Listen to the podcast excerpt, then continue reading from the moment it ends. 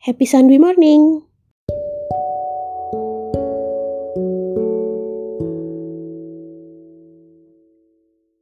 Hai geng, selamat datang di podcast gue. Perkenalkan, nama gue Dwi dan suara gue akan menemani kalian selama beberapa menit ke depan. Episode kali ini gue bakalan cerita soal sah satu drama Korea yang baru aja tamat di minggu terakhir bulan Agustus kemarin. Judulnya adalah Hotel del Luna. Buat para pencinta K-drama, gue rasa mereka pasti nonton drama ini sih. Secara dramanya booming banget, sutradaranya bagus, penulisnya bagus, karya drama-dramanya banyak banget yang bagus-bagus, dan yang pasti para pemerannya. Kita bahas soal hotelnya dulu. Penginapan bulan atau yang akhirnya diberi nama Hotel del Luna adalah hotel yang digunakan sebagai persinggahan untuk roh-roh yang sudah meninggal dan akan menuju alam baka. Pemiliknya hantu, pegawainya hantu, tamunya pun hantu gitu di cerita itu. Kalau manusia biasa yang lewat, paling kelihatannya kayak semacam hotel, bangunannya tua, banyak tanaman rambatnya, sepi, nggak ada yang nggak ada tamunya gitu.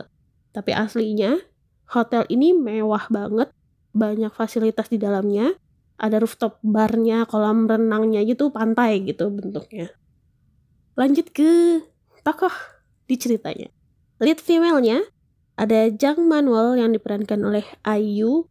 Jang Manuel ini tadinya adalah anggota geng pemberontak. Dia punya dosa besar karena bunuh banyak orang.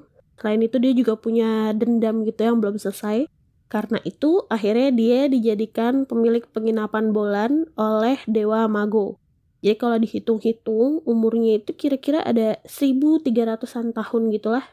Tapi mukanya nggak berubah. Tetap awet muda.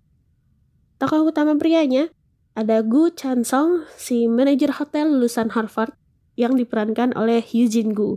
Dulu waktu Gu Chansong kecil, bokapnya ini pernah nyuri gitu, terus habis gitu pas lari dikejar sama polisi, dia kecelakaan dan kayak mati suri gitu roh bokapnya sempat datang ke Hotel De Luna dan berniat mengambil setangkai bunga dari pohon yang ada di dalam hotel buat dijadiin sebagai hadiah ulang tahun buat anaknya si Go Song kecil ini.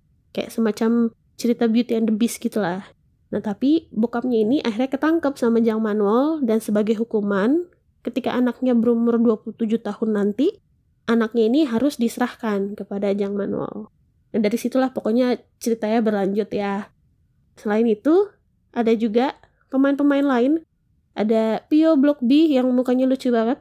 Mina Gugudan, B. Hasan, Shin Jonggen, dan ada masih banyak lagi.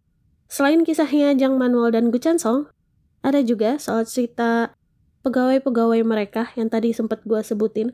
Jadi cerita soal bagaimana kehidupan mereka dulu, ada yang hidupnya di dinasti Joseon dulu pas masih perang macam-macam kenapa mereka meninggal kenapa mereka belum pergi ke akhirat dan kenapa mereka masih memilih untuk menjadi pegawai selama berpuluh bahkan beratus tahun. Selain itu karena ini dramanya genrenya drama fantasi romantis horor banyak banget genrenya jadi ada horornya juga sedikit. Ada hantu-hantuannya. Hantunya ada yang serem ada yang juga kayak biasa aja cuman pucet-pucet gitu tapi kalau kata temen gue yang penakut banget sih kalau kata mereka eh kalau kata dia itu semuanya serem lah pokoknya di situ. Gimana endingnya? Sebenarnya ini nggak mau spoiler sih. Tapi karena dari awal cerita kita udah tahu kalau semua yang ada di hotel de Luna itu akan kembali ke akhirat. Jadi kalau gue pribadi udah siap-siap dari awal kalau ini kayak drama bakalan set ending nih. Di episode terakhir itu gue sempet sedih beneran waktu nonton. Kenapa bukan pas adegan tokoh utamanya pergi bukan yang pas pisah-pisah gitu enggak. Malah sedihnya tuh waktu para pegawainya satu-satu mutusin buat oh keinginan terakhir gue udah tercapai nih. Ini saatnya gue pergi dan gue bakalan inkarnasi gitu. Nah dari situ pegawainya pergi satu-satu Jang Manuelnya ditinggal sendirian di hotel dan dia bener-bener ngerasa kesepian gitu. Di situ malah gue ngerasa sedihnya. Ada lagi di menit-menit terakhir drama. Ada sosok baru yang jadi pemilik hotel Dia Luna dan hotelnya ganti nama juga, yaitu Kim Soo Hyun. Tau gak sih yang pemain My Love from Another Stars itu? ini tuh bikin semua penonton jadi berspekulasi apakah nanti ada sequel lagi ada season 2 nya nggak ya Nah, banyak juga yang sampai bikin thread nih. Ini agak lebay sih kalau kata gue sampai bikin thread soal nama-nama aktris yang cocok mendampingi Kim Soo Hyun di season 2. Tapi kalau kata penulisnya, Hong Sisters dan sutradaranya, mereka bilang sih belum ada rencana ke sana. Kalau menurut gue, itu kayak semacam pancingan gitu. Biar dramanya tetap diomongin selama beberapa waktu ke depan. Dan kalau emang uh, hype-nya segitu besar, banyak yang tertarik gitu, ya bisa jadi sih dijadiin ada season keduanya tapi overall kalau menurut gue dramanya bagus ceritanya menarik soal hantu-hantuan dan nggak menye-menye karena gue pribadi males banget nonton drama yang menye-menye gitu. Kalau kalian mau nonton gue rekomen. Ya sampai situ aja. Gak jelas banget sih gue ngomongin apa dari tadi. Uh, kalian di sini ada yang udah nonton dramanya? Boleh ceritain ke gue menurut kalian gimana? Atau menurut kalian jangan-jangan ini dramanya bosan ah gue nontonnya gitu. Gue sih tertarik. Jingkunya ganteng banget soalnya.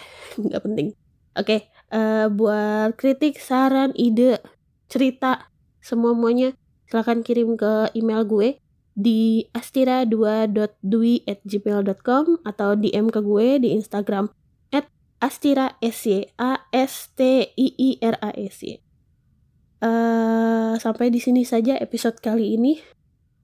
Selamat siang semuanya. Terima kasih sudah mendengarkan.